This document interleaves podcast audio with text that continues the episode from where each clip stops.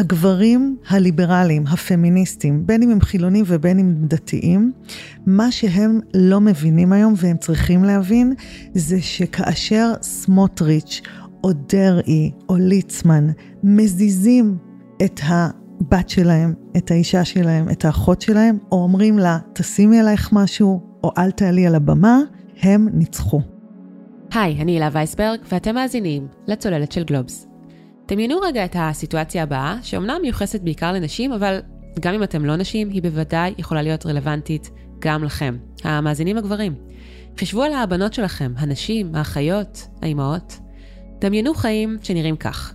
אתן יורדות למטה, לסופר מתחת לבית, לטמבוריה או לבית הקפה, והבעלים מבקש מכן לשים על עצמכן משהו, בשביל הצניעות. אולי אתן דתיות וממילא מתלבשות צנוע, אבל אולי לא, ואתן רוצות להתלבש כפי שהתלבשתן תמיד. ואולי אתן רוצות להקים משפחה מסוג אחר, למשל להיות אימהות יחידניות בזכות תרומת זרע, או לחיות עם בת זוג, ולהקים עם המשפחה. אבל פתאום זה כבר לא אפשרי או לא קל ונגיש, כפי שזה היה בעבר. אבל אלה לא רק נשים. אם אתם משתייכים לקהילת הלהט"ב, אתם עלולים לקום בוקר אחד כאן בישראל ולגלות שבעל הדירה שלכם כבר לא מסכים להשכיר דירה לבני זוג מאותו מין, וזה לגיטימי. זוכרים את האמירה משנת 2016 של שר האוצר היום, וחבר הכנסת אז בצלאל סמוטריץ' על כך שהוא מצדיק הפרדת יולדות יהודיות מערביות בבית החולים, כי אשתי אחרי לידה רוצה לנוח, ולא חפלות המוניות.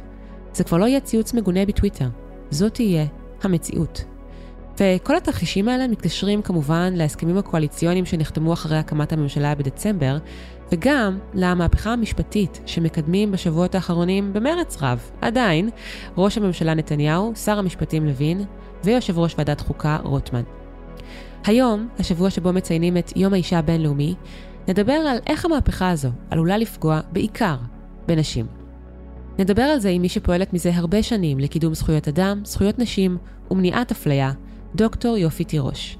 תירוש היא משפטנית, סגנית דיקן הפקולטה למשפטים באוניברסיטת תל אביב, וזוכת פרס גורני למשפט ציבורי. שלום יופי. אהלן הילה. כיף שבאת, ברוכה הבאה לצוללת. שמחה להיות כאן. אז בואי נתחיל מכך שתציגי את עצמך.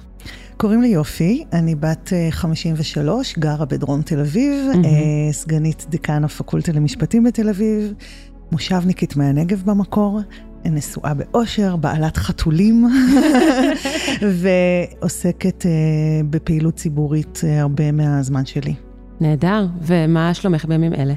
אני עסוקה, דואגת ומלאת תקווה. אני עסוקה כי לצד המטלות השוטפות, אני משקיעה הרבה מאוד זמן בבלימת המהפכה המשטרית. אני דואגת מהדהירה, מהבליץ החקיקתי שלמיטב הבנתי יוביל להרס המדינה. אבל אני גם מלאת תקווה אה, מהציבור המדהים שקם להילחם על הדמוקרטיה. וקראתי את אה, סימה קדמון מידיעות אחרונות, שהיא אמרה, הפרחים לנתניהו, עוד לא היה מנהיג שבתוך חודשיים הצליח לייצר פה מחנה חסר תקדים בגודלו, שמאגד תחתיו לא רק את השמאל והמרכז, אלא גם ימין ליברלי וכיפות סרוגות. והיית שותפה בהפגנות? באילו הפגנות? בוודאי, אני uh, מפגינה כל אימת שאני יכולה, בוודאי כל מוצאי שבת, אבל גם אם הלו"ז שלי מאפשר לי, אז במחאות באמצע השבוע. הנשיאה אסתר חיות והיועצת המשפטית גלי בהרב מיארה עומדות, עומדות בחזית ההגנה על הדמוקרטיה בישראל מול ממשלה גברית ועוינת לנשים. כן, שמענו כעת את חלקם של הדברים הנוקבים שאמרת בהפגנת הנשים, שבה נאמת בתחילת פברואר. הייתה לי אה, התכתבות אה, גם משעשעת וגם מטרידה ביום שהממשלה הושבעה עם ידידי אה, חבר הכנסת משה ארבל מש"ס. הוא ראה פוסט שלי שאני יוצאת להפגנה, כי זה יום שחור ומסוכן לדמוקרטיה, והוא הזמין אותי לקפה, אם אני רוצה קפה משובח, כשאני מול הכנסת, אז, שאני, אז שאני אבוא. מי שמזמין לקפה משובח, תמיד נענים לו. בהחלט, אני קופי סנוב, אבל אני אה, אמרתי לו, תודה על הקפה, אבל מה שאני באמת אצטרך ממך זה אולי אה, הגנה ביום עברה. כשיבואו אליי, אז הוא הבטיח לי, זה תמיד, כך הוא השיב, אה, שמצד אחד זה מאוד נחמד ברמה החברית, אבל מצד שני, העובדה שהוא לא אמר, מה פתאום, על מה את מדברת, לא ירדפו פה אנשים, אה, נשארה איתי כעובדה מאוד מטרידה. אז אנחנו מתכנסות uh, ככה בשבוע חשוב, שבוע של יום האישה הבינלאומי, כדי להציף בעיקר את הסוגיה של נשים, של זכויות נשים, לדבר על הזכויות הללו שעלולות uh, להיפגע לאור המהפכה שמתקדמת, לאור ההסכמים הקואליציוניים שנחתמו. ותכף ניכנס לעובי הקורה הזו, אבל אני אשמח לשמוע עלייך. מתי התחלת את לעסוק בכל הסוגיות האלה של זכויות נשים, של uh, מניעת אפליה? גדלתי בבית של אה, הורים שהם אה, שליחי ציבור מטבעם ומתקני עולם ותמיד תורמים לקהילה אה, בנגב ובמגזר החקלאי, וגם בבית שחינך אותי ואת שתי אחיותיי הקטנות לכך שאנחנו יכולות הכל ושאנחנו צריכות לרכוש השכלה וכלים לפרנסה בלי להיות תלויות באף אחד בשביל להיות עצמאיות. השילוב הזה גרם לכך שכל חיי ממועצת התלמידים ודרך כל תחנה בהמשך עשיתי איזה איזשהו משהו שקשור לתרומה וחזרה לחברה. בעשור האחרון זיהיתי שאני צריכה להתמקד בפעילות שלי בתחום אחד שהרגשתי שאין לו מספיק קשב בציבור הישראלי, שלא מזהים את האיום עד הסוף. המתח בין אה, דת במרחב הציבורי לבין שוויון אה, נשים ולהט"בים במרחב הציבורי. למה? מה צרם לך במיוחד? מה ראית שקורה ושחשוב להתריע לגביו? לפתע התחילו אה, תופעות של הפרדה, שהופכת להיות משהו נורמלי, שראיתי שהיא אה, לא רק הפרדה, אלא היא מוצגת כהפרדה, אבל בעצם מדובר באפליה. בעשור האחרון אנחנו רואים יותר ויותר טענות ובקשות להפוך מסגרות אה, ציבוריות, בין אם זה בהשכלה, בין אם זה באוטובוסים, בין אם זה בכלכלת השירותים, במקומות עבודה, למקומות שהטענה היא שהם צריכים להתאים את עצמם לחרדים, מה שנכון, וגם לדתיים לאומיים, כמו למשל בצבא. ושהדרך לעשות זאת, במילים פשוטות, זה להרחיק נשים מהעיניים של גברים. והטענה היא שזאת דרכנו, ככה אנחנו חיים, ואם אנחנו רוצים שחרדים ודתיים לאומיים יהיו בכל מקום, אז צריך שתהיה הפרדה, שתהיה צניעות, ולפעמים גם שלא לא תהיה כניסה לנשים אה, בכלל. כן, אז ניגע עוד בהרחבה בסוגיות של אה, הפרדה מגדרית וההשלכות שלהן. בואי נחזור לנושא שלשמו התכנסנו, המהפכה המשפטית. יש ככה בימים האחרונים עיסוק אינטנסיבי בשאלת הפשרה.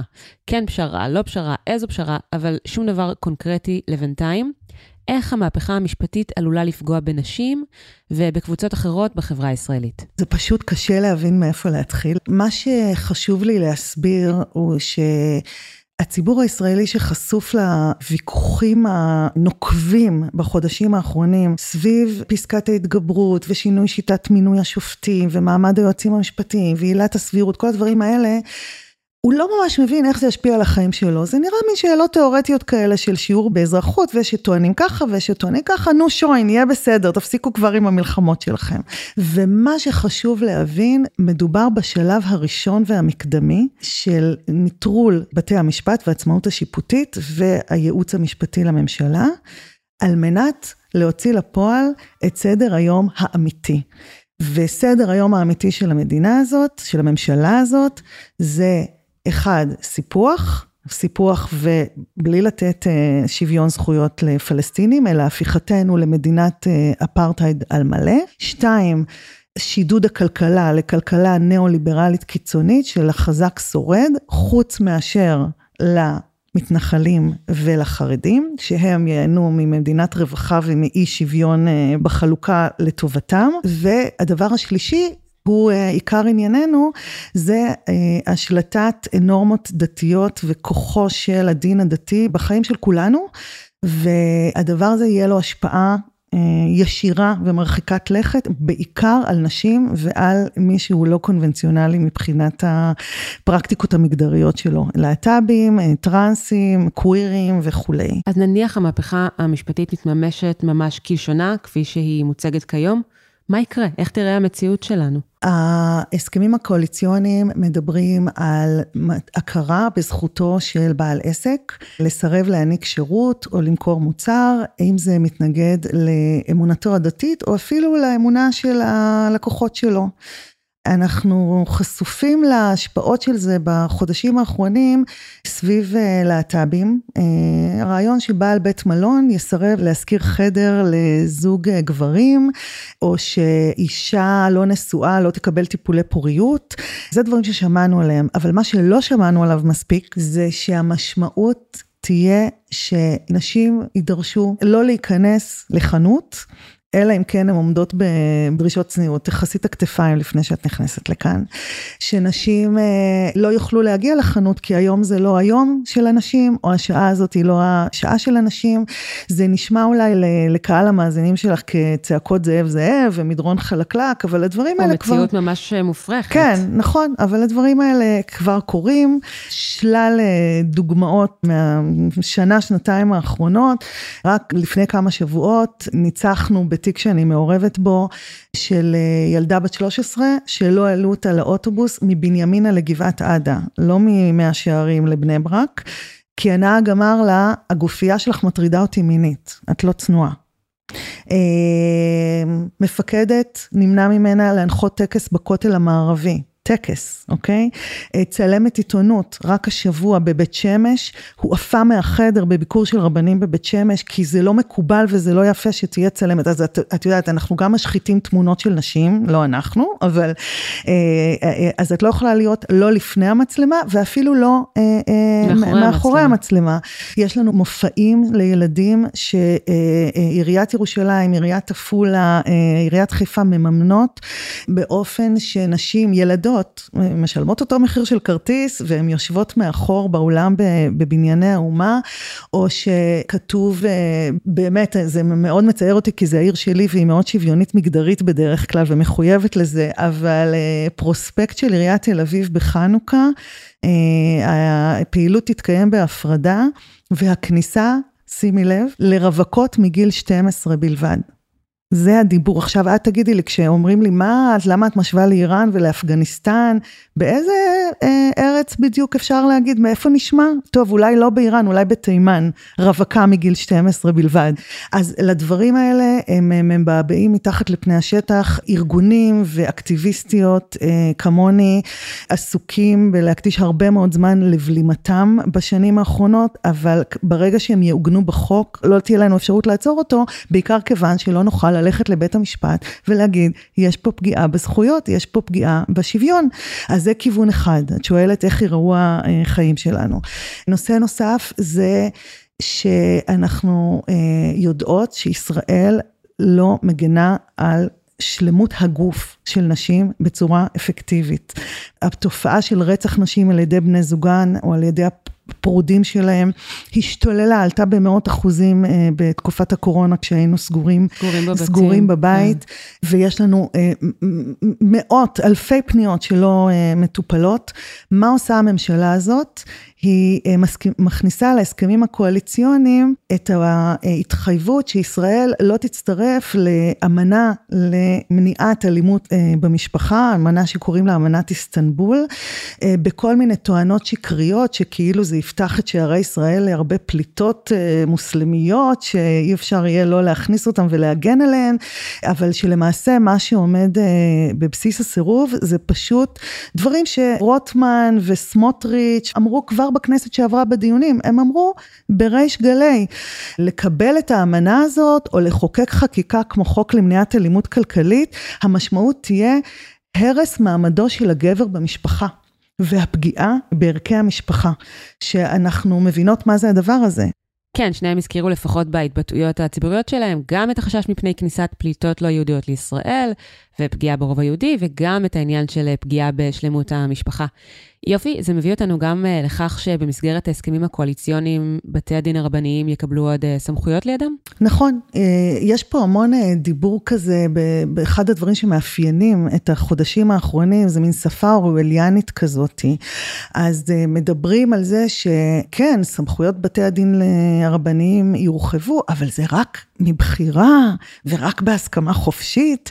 מה שלא מספרים לנו זה שגננת בזרם הגנים החרדי, כשהיא תתקבל לעבודה ויחתימו אותה על חוזה, שאם יש לנו סכסוך איתך, הוא יתברר בבית הדין הרבני, מה בדיוק האפשרות שלה להגיד לא? ואנחנו כבר יודעים שכשסכסוכים כאלה הגיעו לכאורה בהסכמה לבית הדין הרבני, הוא פסק לטובת המעסיקים, ולא הגן על זכויות פנסיוניות של נשים, ולא הגן על פיטורין מחמת פוריות ולידה. זה יותר מזה, יש לנו uh, שוק של uh, משכירי דירות בישראל, נכון? Uh, יש בעיית שכירת דיור מאוד מאוד קשה. יש היום תנאים בחוזי שכירות שמדברים על כך שבדירה שלי לא יהיה לבוש לא צנוע, או לא יהיה יחסי מין בלי נישואים. אז תחשבי שאת הולכת ואת צריכה את הדירה, ואם יש בעיה, אז את תלכי לבית הדין הרבני. אנחנו נהיה נתונות ללחצים עצומים.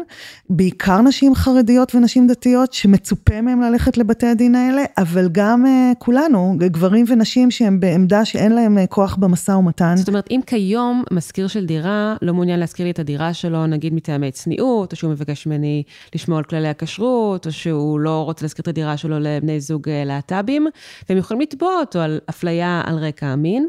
אולי זה כבר לא יוכל להתקיים יותר. נכון, יש פה תנועת מלקחיים, גם בגלל שיכול להיות שהמזכיר יגיד, אה, אה, אנחנו חייבים לברר את הסכסוך בבית הדין הרבני, אתם לא יכולים ללכת לבית משפט רגיל, אבל גם בגלל שא', בית המשפט הרגיל יוחלש, כי המינויים יהפכו להיות פוליטיים, הממשלה רוצה שהמינויים של שופטים יהיו אך ורק בידיה, וגם בגלל החוק שהזכרתי קודם, את אה, בעלת דירה, זה כמו עסק. אה, החוק יקנה לך את הרשות אה, להציב תנאים. אם מישהו, אורח החיים שלו לא מוצא חן בעינייך כבעלת דירה, את פשוט, לפי חוק יהיה לך מותר אה, לסרב להשכיר לו את הנכס שלך. את יודעת, מצד אחד זה באמת קשה ומבהיל לשמוע את התיאורים האלה, וכפי שאת אומרת, הם לפתחנו. מצד שני, ההתנגדות הציבורית היא מאוד איתנה. למשל, אחרי שבסוף דצמבר חברת הכנסת אורית סטרוק אמרה שרופאים יוכלו לסרב לתת טיפול אם הדבר נוגד את אמונתם הדתית, הרופאים התקוממו ואמרו, נטפל בכולם. נתניהו עצמו התנער מחוק הכותל, שיזמו בש"ס, ולפיו יוטל קנס ואפילו מאסר על נשים שיגיעו לכותל בלבוש לא צנוע. אז אולי אנחנו חזקים מכל זה? אני מאוד מקווה, ההצהרות של הבנקים ושל ארגונים ושל הרופאים מאוד, אה, מאוד הרשימו אותי.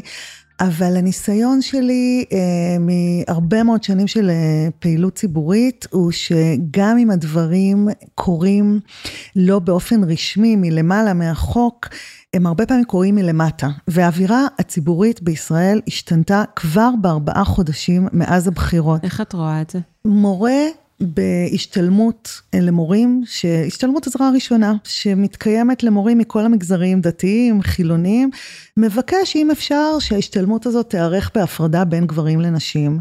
ומשרד החינוך אומר, יאללה, בסדר, מה רע אה, להתחשב. זה קרה לפני שבועות אחדים. המשמעות היא שאנחנו טועים במחשבה שלנו שקצת התחשבות לא תזיק. אז מתי קצת התחשבות כן תזיק? הנה דוגמה שנחשפה בגלובס בידי שירית אביטן כהן לפני כשנה וחצי. יועז הנדל, אז שר התקשורת, נפגש בלשכתו עם אדמו"רים וראשי ישיבות מהמגזר החרדי, כחלק מהדיונים בסוגיה המאוד נפיצה של רפורמת ניוד מספרי טלפון כשרים. הרבנים התנגדו לזה כי אם המספרים הכשרים, טלפונים שאינם סמארטפונים, יופיעו גם כשאנשים כן ישתמשו בסמארטפונים, אחרי הניוד, אז כבר אי אפשר יהיה להבחין בין טלפונים כשרים ללא כשרים. כבר אי אפשר יהיה לסמן כך אנשים. אגב, הרפורמה הזו בוטלה כעת בידי הממשלה החדשה.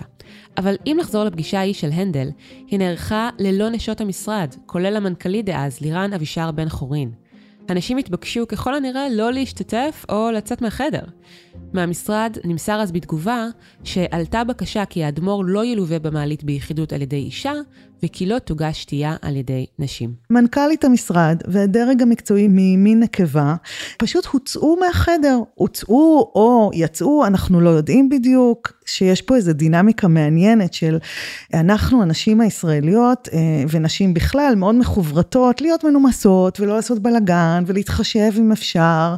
אז בעצם עובדים עלינו בעיניים וממסגרים לנו את הסיפור כשאלה של נימוס, בעוד שמדובר בשאלה של שוויון ושל מקום. בממשלה, שימי לב מה היה פה, ממשלה שהיה בה מספר שיא של שרות ומספר שיא של מנכ"ליות, ואת הופכת להיות בת ויתור, כשיש מישהו ש...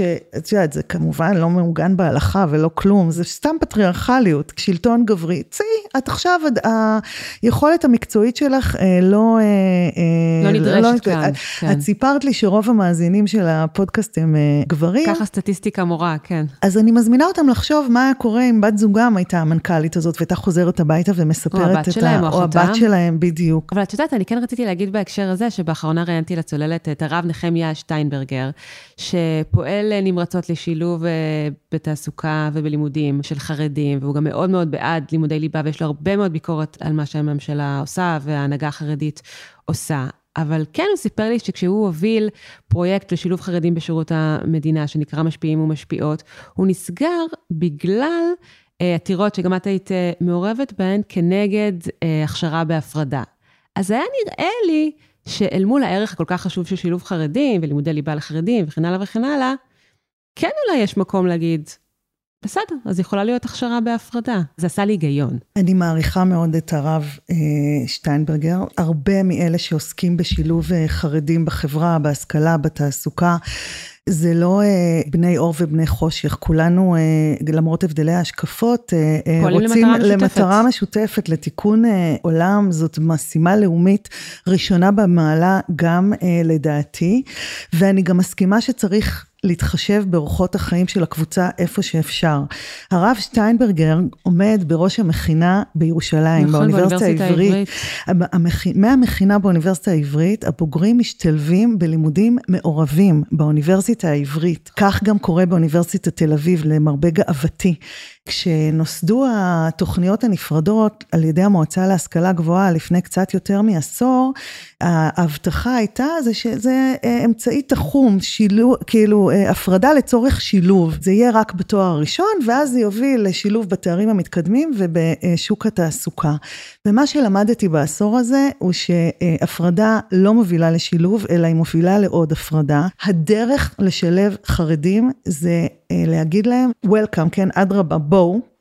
ואני כסגנית דיקן בפקולטה למשפטים אה, דואגת להתאמות, למשל התחשבות בימי צומות, למשל גלת כושר בקפיטריה ודברים אחרים, אבל החברה הישראלית זאת חברה שיש בה נשים בכל מרחב, בכל כיתה, בכל אה, קניון, בכל מקום עבודה, ואם התנאי להשתלבות זה להרחיק נשים מהעין ומהחדר, אז אי אפשר לקרוא לזה השתלבות, אפילו במונחים כלכליים, לפני המונחים של הצדק. עכשיו, אני מזכירה לך שאנחנו חברה שזה האתוס שלה, אנחנו עוד לפני קום המדינה, הוגי הציונות דיברו על, במסגרת החברה הצודקת והשוויונית, על זה שהיא תהיה שוויונית מגדרית. יש לנו חנה סנש, יש לנו גולדה מאיר, חוק שיווי זכויות האישה, חוק חלוצי משנת 51, אומר דין אחד יהיה לאישה ולאיש לכל פעולה משפטית. לא היו חוקים כאלה בשנות ה-50 במדינות אחרות בעולם כמעט. נראה לי שאת חוששת מאוד ממדרון חלקלק. אנחנו במורד המדרון, זה לא איומים של מדרון חלקלק, אנחנו כבר לגמרי שם. עכשיו, את, את פשוט יכולה לראות את זה, את, את, את אומרת, אני חוששת, אני לא חוששת, אני מסתכלת למעלה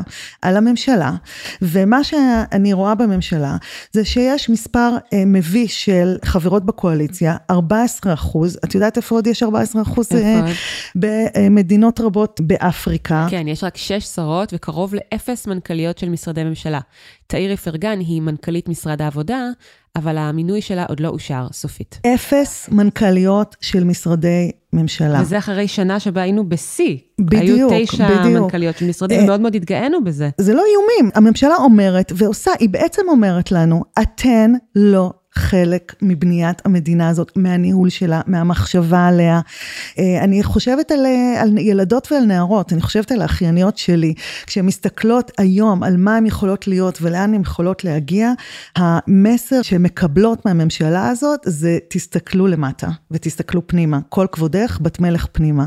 את לא אה, תקבלי תפקידים משמעותיים בצבא, את לא תגיעי, את לא יכולה להגיע למשרות בכירות, ואנחנו גם לא נספק כלים להגנה. הגנה עלייך ועל שלומך הפיזי, כי אנחנו לא בעניין של אה, מניעת אלימות.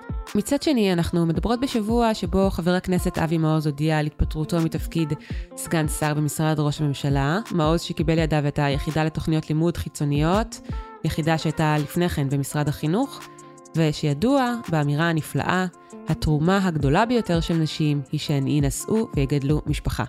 אז אני אומרת לעצמי, הנה האתוס של השוויון המגדרי בישראל. בסוף יש לו משקל. תראי, אני מתלבטת איך לענות לך על השאלה הזאת, כיוון שבאמת כל אה, דבר כזה זה מיד רץ בקבוצות, הנה המחאה מצליחה ויש סימן לאופטימיות, ונתניהו אחרי כמה שעות מה, מהחוק הצניעות בכותל הוא חוזר בו, זה נכון. מצד שני, אה, אנחנו מדברות פה על מקרים קלאסיים שבהם לקחנו את הסמנים ההזויים ביותר, זה אפילו לא ימין, זה מעבר לסקאלה של שמרנות בהקשרים המגדריים. הממשלה הזאת גם בלי אבי מעוז, הולכת להנחיל פה חינוך וחוק שמרניים, שכל מה שהם רוצים זה להחזיר את הנשים הביתה. מה המשמעות של אפס נשים בתפקידי אה, מנכ"לות במשרדי ממשלה? כל התיאוריות הפוליטיות אה, אה, מה-300 שנה האחרונות כשהן מודדות אה, מה זה חברה צודקת, מה זה חברה שמאפשרת לכולם אה, well-being, שגשוג, הן מדברות על התנאי של לשמור על זה שכל אחד יש לו כבוד האדם, שהוא מתהלך בקומה זקופה, שהוא יודע שיתייחסו אליו בצורה אה, הוגנת, והממשלה הזאת מרסקת את התחושה הזאת. תשמעי, אז יש לנו גברים בכל תפקידי מנכ"לי משרדי הממשלה, אבל תת, יש גם הרבה מאוד גברים פמיניסטים שהם בעד אה, שוויון זכויות, זכויות לכולם, נשים ושאר קבוצות באוכלוסייה, נשים בתפקידי מפתח במקומות אחרים במשרדי ממשלה, אז אוקיי, אז יגיעו ימים טובים יותר.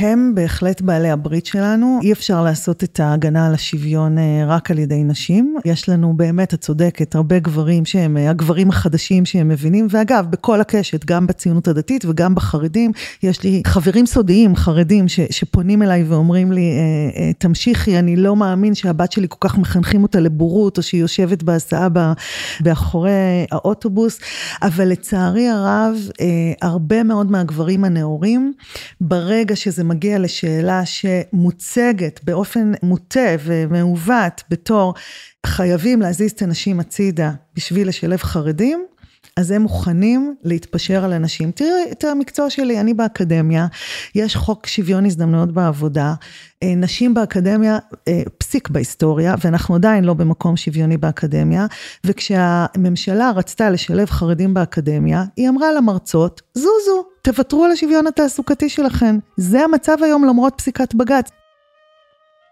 כאן דוקטור תירוש מתייחסת לפסיקת בג"ץ משנת 2021, שהכירה בכך שלימודים בהפרדה פוגעים בשוויון. אבל גם קבעה שהיא לתכלית ראויה. זאת אומרת, אפשר להצדיק אותה, ובלבד שתיעשה רק בתואר הראשון, ושאפליית המרצות תיפסק, לצד עוד צעדים. לאור הפסיקה הזו, תפקיד המועצה להשכלה גבוהה, מל"ג, הוא לוודא שהמרצות לא מופלות לרעה מול מרצים בכיתות הנפרדות. אבל, לפי דוקטור יופי תירוש, זה לא נעשה בשטח. גברים מלמדים גם את כיתות הגברים וגם את כיתות הנשים. מרצות במדינת ישראל, בגלל המין שלהם, בלי קשר למומחיות ולידע ולכישורי ההוראה, לא נכנסות לכיתות הגברים. והדבר הזה מתורגם לקידום ומתורגם לסיכויים שיקחו אותך למקום עבודה. את יודעת, אם את יכולה לעבוד על אה, שמונה מתוך עשר מכונות במפעל, פשוט כי את אישה, אז uh, למה שיקחו אותך? את פחות יעילה, רק בשפה כלכלית. והדבר הזה, מעבר לפגיעה הכלכלית, קשה להסביר לך כמה כאישה, זאת פגיעה משפילה ומדכדכת, ומי שישב שם בחדר שהסכים עליה זה לא החרדים, החרדים דרשו את זה. מה ההבדל בין גבר שמבקש שרופאה לא תטפל בו, לבין אישה שמבקשת שרק רופאות יטפלו בה? זאת שאלה נהדרת. אנחנו במציאות שבה אמנם יש גברים שהם נפגעים מינית ומוטרדים מינית, ויש מובן שבו האתגר שלנו גדול יותר בהגנה עליהם, כיוון שזה גם בושה להתלונן, ולא צריך להמעיט בערך של הדבר הזה, אבל הנתונים הגורפים הם שהסכנה להטרדה ולתקיפה ולהחפצה בסיטואציה אינטימית שבה זה גבר מול אישה, הם כשהגבר הוא בעל הסמכות, הוא, הוא הפסיכולוג, הוא הרופא, הוא הרב, כן? והאישה היא הפציינטית או המטופלת. ובמציאות כזאת, יש היגיון בלהגיד, אם אה, את רוצה שתהיה לידך עוד אישה בחדר, אז זה בסדר. או לבקש שתטפל בך אישה. כשמדובר במצב הפוך, אז אנחנו בעצם חוזרים לסכנה שמועדוני הג'נטלמנים, שרוב ההיסטוריה האנושית היו סגורים מפני נשים, באוניברסיטה, במקצועות, ברפואה, בעריכת דין, בשיפוט, במדע, בכלכלה, בפרלמנטים. ברגע שאנחנו, נגיד, אה, גבר יכול אה, אה, להגיד, אני לא רוצה שתטפל בי אישה, או המרגן יכול להגיד, זה מופע לגברים בלבד, אנחנו חוזרים למועדוני ג'נטלמנים האלה, אנחנו חוזרים לחסימה, המילה הדרה, אנשים לא מבינים אותה עד הסוף, כן? זה נראה מילה כזאת אבסטרקטית, הדרת נשים. אבל אנחנו מדברים על העפת הנשים מהספירה הציבורית, כן? אז בעוד אצלנו בישראל, הגאווה על כך שרואים סוף סוף ייצוג נשים מרשים בממשלה, תשע מנכ"ליות של משרדי ממשלה ותשע שרות, התחלף בתמונת מראה מדכדכת במיוחד. יש מדינות שבהן רואים ממשלות מסוג אחר לגמרי. פינלנד, למשל, שם יש גם ראש ממשלה אישה, סאנה מרין, ולצידה בקואליציה עוד ארבע מנהיגות של מפלגות, וגם 60% מהשרים בפינלנד הן שרות. ופינלנד גם מדינה מצליחה מאוד כלכלית. התוצר לנפש שם הוא מהגבוהים במדינות OECD. ובכלל, רואים קשר ברור בין מדינות שהן מצליחות בתחום השוויון המגדרי לבין הצלחה כלכלית. לפני מאה שנה היינו מדינה ענייה וחצויה, אמרה מרין בנאום לפני כשנתיים. אבל אי אפשר היה להתעלם מהפוטנציאל של חצי מהאוכלוסייה שלנו. והיא גם אמרה את הדברים הבאים ממש באחרונה, בפורום הכלכלי העולמי שנערך מדי שנה בדבוס, שווייץ. So globally, we are missing an opportunity for a better future if we are neglecting uh, the women's participation, whether it's in private sector or public sector in, in political life. I think we need everybody on board. Women, men, different genders and different generations. I think everybody has a perspective. And I think when we're listening to everyone, we are making the best decisions.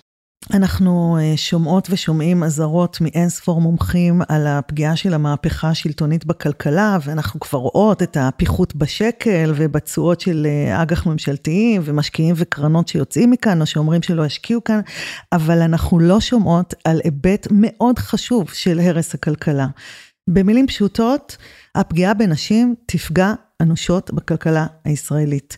אם נשים לא יוכלו למצות את היכולות שלהן, לקבל תנאים להיות יזמיות, מדעניות, אה, יוצרות, אז אה, לא ימוצא פה מה שנקרא אה, הון אנושי. נתונים של גופים בינלאומיים רציניים, שבינם לבין פמיניזם אין שום דבר, מראים קשר ישיר ועקבי בין מצב הנשים במדינה לבין השגשוג והאיתנות שלה, גם הכלכלית, גם הביטחונית, גם הפוליטית. דוח של אה, קרן המטבע הבינלאומית, ה-IMF, מ-2022, קובע שהפחתת הפערים המגדריים הולכת יד ביד עם הגדלת הצמיחה הכלכלית, עם יציבות כלכלית וחוסן כלכלי גבוהים יותר. אז אני אקריא לך עוד משהו שאמרת אה, באותה הפגנה, הפגנת נשים. נשים, ערבים, להט"בים, אנשים עם מוגבלויות, עניים, כולם ישפילו מבט וישפפו את קומתם, ילקטו פירורים של כבוד האדם ושל זכויות והשתתפות וקול. אז למעשה הכנס כאן uh, תחת אותה קורת גג קבוצות נוספות בחברה הישראלית שעלולות להיפגע. נכון. באיזה אופן? ולמה? אותם חוקים שהזכרנו, למשל החוק אה, שמאפשר לבעלי עסקים למנוע שירות מחמת דתם, ראינו איך הוא יפגע בלהט"בים. את, את יכולה לדמיין מציאות שבה בעל תחנת דלק אומר, אה, אני, אה, אה, יש לי במשפחה נפגע טרור, ואני לא מוכן לתדלק לערבים. אוקיי? וזה חוקי, זה השקפה שלי, זה המצפון שלי, אוקיי?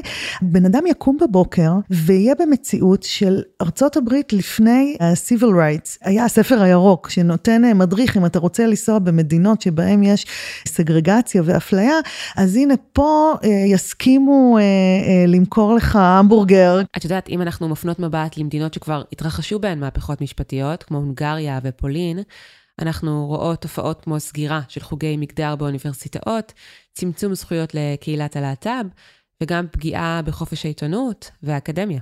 נכון, וזה מביא אותי באמת לנקודה של האקדמיה. אנחנו רואים מהונגריה ומפולין ומטורקיה שמערכת המשפט היא המטרה הראשונה, וכשמחסלים אותה עוברים לתקשורת ועוברים לאקדמיה. והראשונות שנפגעות במעבר הזה, זה כל תוכנית שיש בה איסוף ידע על מצבן של נשים, כמו תוכניות של לימודי מגדר, ואיזה שהם ניסיונות לפענח את איך אנחנו מנטרלות את האי צדק ואת האפליה. הממשלה הזאת אה, מפקחת בשבע עיניים על, אה, היא תפקח על, על סילבוסים שתהיה בהם אמירה ביקורתית, בין אם זה לגבי אה, שוויון זכויות לערבים ושוויון זכויות ללהט"בים, ובין אם זה כל אמירה שכופרת במיינסטרים. בקו שהממשלה מתווה. בקו שהממשלה מתווה, והמשמעות של זה היא חברה שהיא לא רק בקיפאון, אלא שהיא הולכת אחורה.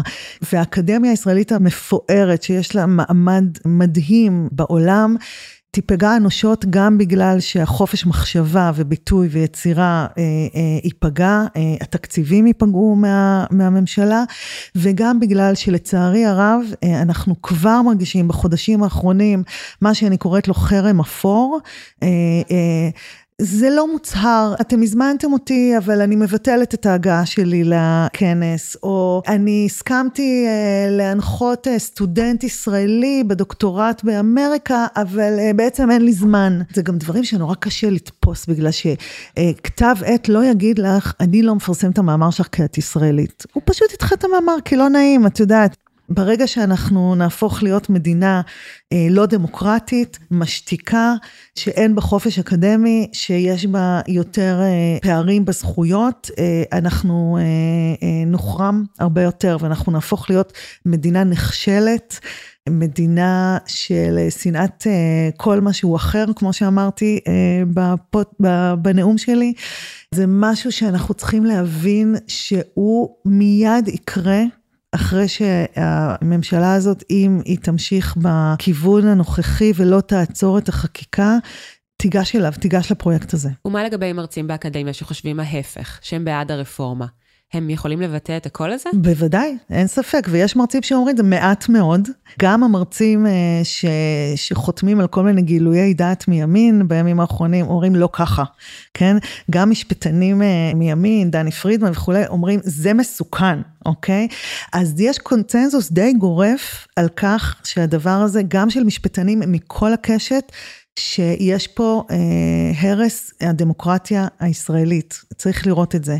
אז אה, נכון, באקדמיה, כמו בכל אה, גוף, כשאתה אומר עמדות שאתה במיעוט, אתה צריך לעמוד על שלך ולשלם איזשהו מחיר, אבל האקדמיה הישראלית, להערכתי, במבט השוואתי, היום, לפני שאנחנו בצעדים האלה, היא במקום בריא. היא במקום שמאפשר חופש מחשבה והיא מאפשרת אה, פלורליזם חופש... של דעות. פלורליזם של דעות, ואני שמחה להגיד שאני מקבלת שוב ושוב מסטודנטים ימניים ודתיים, משובים שאומרים, לא הסכמתי איתך עם הרבה מהעמדות שלך, אבל את מכבדת ומאפשרת, וככה זה צריך להיות. מה שקורה לנו היום בציבוריות הישראלית, זה שבגלל מגמות של רלטיביזם תרבותי ומין אה, משהו כזה של אה, כל אחד אה, רשאי להחזיק בדעתו, אז אנחנו הרבה פעמים גולשים מהר מדי מזה שאם אני לא מסכימה איתך, זה אומר שאני לא מכבדת אותך.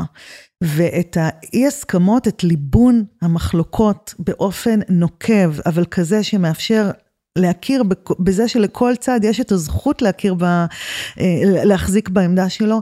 אם אנחנו את זה לא נצליח לעשות, ואנחנו רק אה, נטיח אחד בשני, אה, אתה לא מסכים איתי, אז אתה אה, לא מכבד אותי, בזה סופנו. אנחנו לא נצליח אה, להתקדם לשום מקום. הזכרת קודם את הנושא של אה, כלכלה ניאו-ליברלית, ועל mm-hmm. כך שאת חוששת שהמדיניות אה, שמקודמת כאן עלולה לפגוע אה, בחלשים בחברה. Mm-hmm. איך את חושבת שזה עלול לבוא לידי ביטוי? בסופו של דבר גם החרדים בישראל משתייכים לשכבות החלשות יותר בחברה. אולי דווקא המדיניות שיובילו כאן תחלחל לכולם, תוכל דווקא להועיל לחלשים יותר. אנחנו בדרך כלל אה, חושבים על אי שוויון כלכלי אה, מתוך נקודת מוצא שכל אחד מנסה את הכי טוב שלו בשביל להתפרנס וללמוד וכולי. ההנהגה החרדית מאוד עוינת אה, השתתפות של גברים חרדים בשוק התעסוקה וגם השתתפות של נשים חרדיות במקצועות עם יותר מדי במרכאות סטטוס והכנסה כי... טוב, תלוי איזה גוונים, תלוי כן, מי, נכון, יש קצת השתנות. בהחלט, אני כן. מסכימה כן. וקרו פה דברים מאוד מרשימים בהקשר הזה.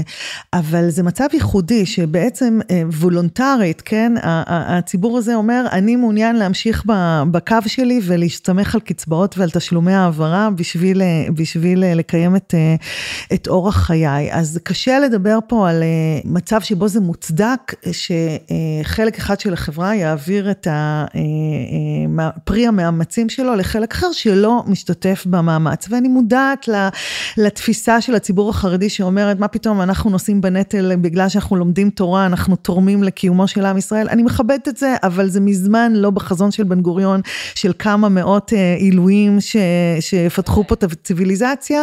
אה, אז, אז אה, כמו שהצד הכללי בחברה נותן מלגות לטובים שבטובים באוניברסיטה, כן, למצוינים שבמצוינים, אין לי בעיה שזה גם יהיה בחברה החרדית, אבל בצד החילוני לא מאפשרים לכל סטודנט ללמוד בחינם, ובוודאי לא לאנשים אה, לבלות את כל ימיהם. הלוואי, תאמיני לי, אני כמהה שהייתה לי האפשרות הכלכלית לשבת וללמוד כל יום. אני ממש אה, אה, מתגעגעת ללמוד, אני יותר מלמדת מאשר, מאשר לומדת.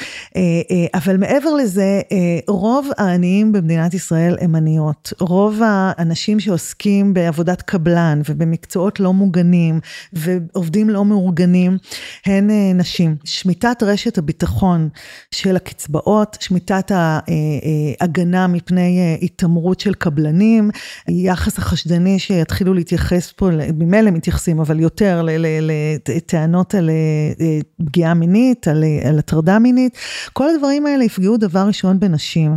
אנחנו מותקפים מדי יום בעוד כותרת ועוד כותרת, שהקשב שלנו ויכולת לצרוך את כל האינפורמציה הבל תיאמן הוא מאוד מאוד מוגבל.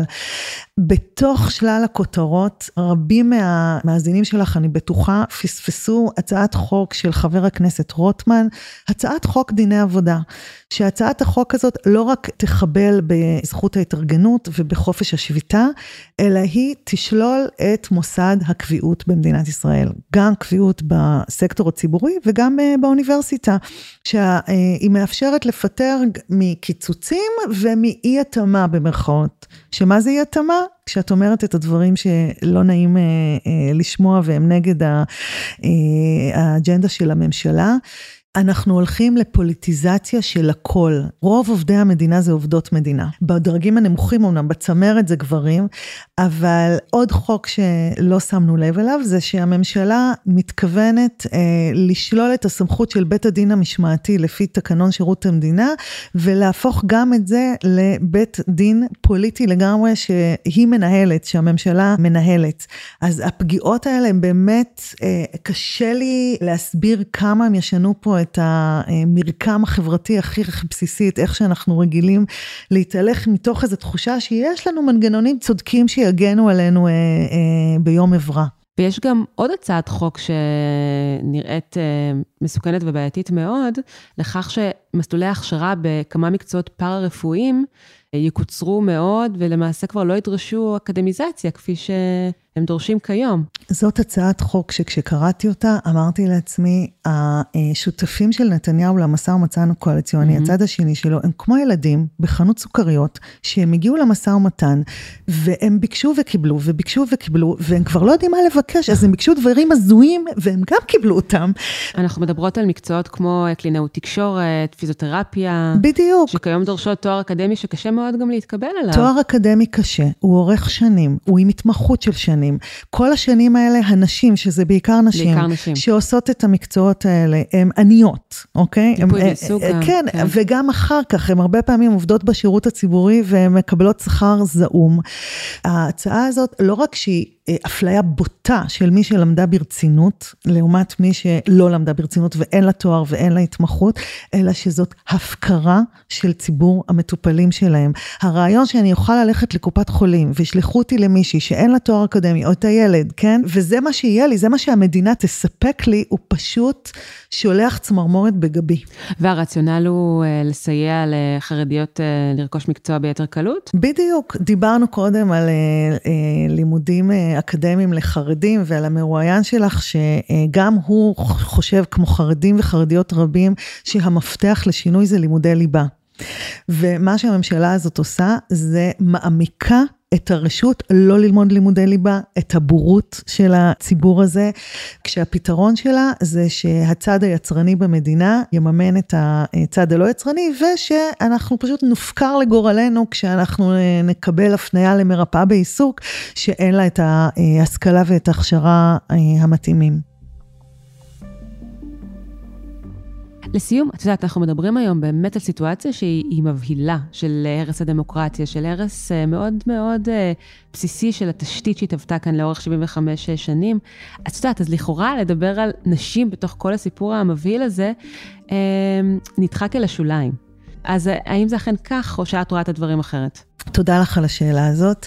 אה, זה באמת ככה מצטייר בשיח, אנשים מדברים על הדמוקרטיה ועל הזכויות ו... ו כאילו, קודם כל לוודא שיש לנו דמוקרטיה, אחר כך כן, להתעסק עם כל כן, השאר. כן, אז אפשר לראות בסיפור של נשים בתור איזשהו סימפטום, או עוד אזור שבו יהיו פגיעות, אבל אה, להשקפתי, וזאת לא השקפה, זאת ידיעה מאוד מאוד עמוקה, זה ציר, ציר ראשי, שאם אתה מעצב אותו, אתה הצבת את החברה כולה. אני אחזור לנושא שאני אה, עוסקת בו אה, רבות, של הפרדה בין המינים. הגברים הליברליים, הפמיניסטים, בין אם הם חילונים ובין אם הם דתיים, מה שהם לא מבינים היום והם צריכים להבין, זה שכאשר סמוטריץ' או דרעי או ליצמן מזיזים את ה... בת שלהם, את האישה שלהם, את האחות שלהם, או אומרים לה, תשימי עלייך משהו, או אל תעלי על הבמה, הם ניצחו. אני אשאל אותך משהו אחרון לסיום, אסוציאציה שעלתה בי תוך כדי. דיברת על הסיטואציה שבה מבקשים מאיתנו לשים על עצמנו משהו, או שמבקשים מהבת של לשים על עצמה משהו, להתכסות. וחשבתי לעצמי, באילו סיטואציות זה עשוי כן להיות לגיטימי, כן? אז ככה, את יודעת, חשבתי לעצמי בסיטואציות שאולי הגעתי לכותל, או הגעתי למקומות מסוימים שבהם ביקשו ממני לשים על עצמי משהו. ואני חושבת שהיו סיטואציות שבהן זה היה נראה לי לגיטימי, שאני מכבדת, לגמרי. שאני מכבדת סביבה מסוימת, ואין לי בעיה לעשות את זה. בהחלט. אני, כשאני הולכת לבני ברק, אני הולכת בלבוש צנוע, הייתי בקלפיות בבני ברק בכל מערכות הבחירות האחרונות.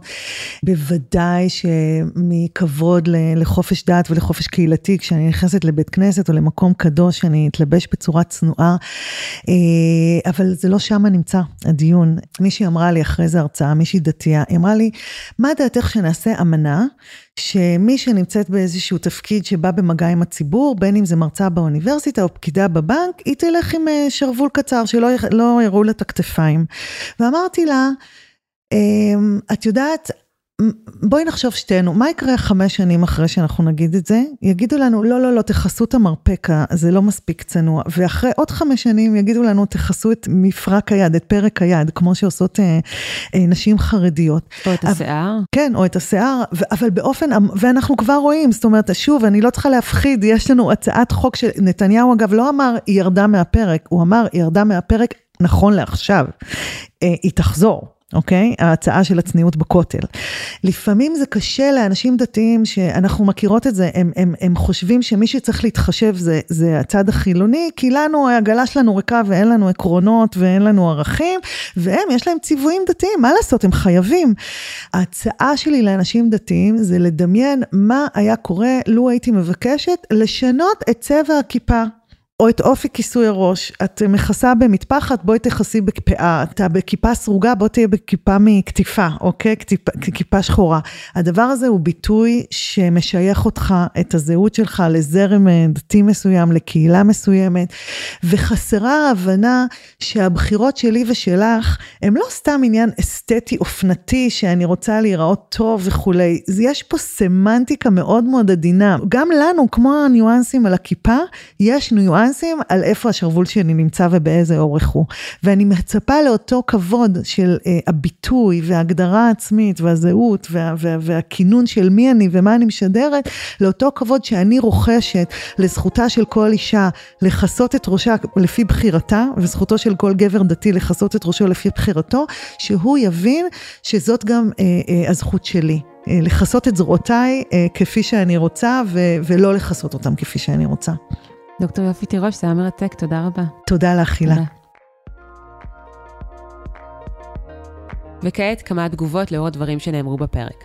מלשכת חבר הכנסת יצחק פינדרוס, יהדות התורה, שמוביל את הצעת חוק הסדרת העיסוק במקצועות הבריאות, נמסר בתגובה. מדובר בנושא רציני וחוק בעל פרטים מורכבים.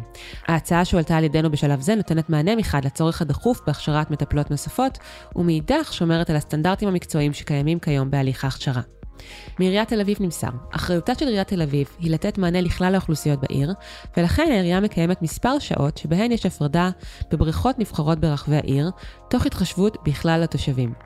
באשר לפרסום האירוע, אכן היה מקום לבחירה בניסוח שונה, ומשהדבר הובהר לעירייה, הופסקה הפצת הפרסום. לגבי האירוע של רכזי הביטחון שנערך בהפרדה ממשרד החינוך נמסר, בהכשרה שנועדה לרכזי ביטחון מכל רחבי ירושלים, חלק מהמשתתפים ומהמשתתפות ביקשו מהקב"ט המחוזי לבצע הפרדה, כדי לאפשר להם להשתתף בהכשרה. הקב"ט החליט מתוך התחשבות להיענות לבקשתם. אנו מצרים אם מישהו נפגע. מהמועצה להשכלה גבוהה נמסר. בעשור האחרון פועלת המל"ג רבות להרחבת נגישות ההשכלה הגבוהה לאוכלוסייה החרדית, ובתקופה זו שולש מספר הסטודנטים בוגרי החינוך החרדי. המל"ג ממשיכה לפקח על יישום הנחיותיה בכל המסגרות לחרדים, ובפרט פועלת לאכיפת נושא מניעת אפליית מרצות. עד כה לא הגיעה למל"ג כל תלונה ספציפית על אפליית מרצה על רקע מגדרי, וככל שתגיע, הנושא יטופל. עד כאן עוד פרק של הצוללת. אתם יכולים למצוא אותנו באתר גלובס, בספוטיפיי או בכל אפליקציית פודקאסטים. נשמח אם תעשו לנו subscribe, ואם אהבתם, שילחו את הפרק לחברה או חבר, שאתם אוהבים. עורך הסאונד הוא ניר לייסט, בצוות הצוללת חבר גם אורי פסובסקי. אפשר לדבר איתנו בפייסבוק, אינסטגרם, טוויטר, אפילו בלינקדאין. חפשו את השמות שלנו ושילחו לנו הודעה. אם יש לכם מחשבות, הצעות, תגובות או שאלות, אתם מוזמנים לשלוח לי מייל, הילה, h-i-l-a, מקף אמצעי w, את globes, g-l-o-b-e-s. תודה לכולכם שהאזנתם. אני הילה וייסברג, נתראה בפעם הבאה. ביי ביי.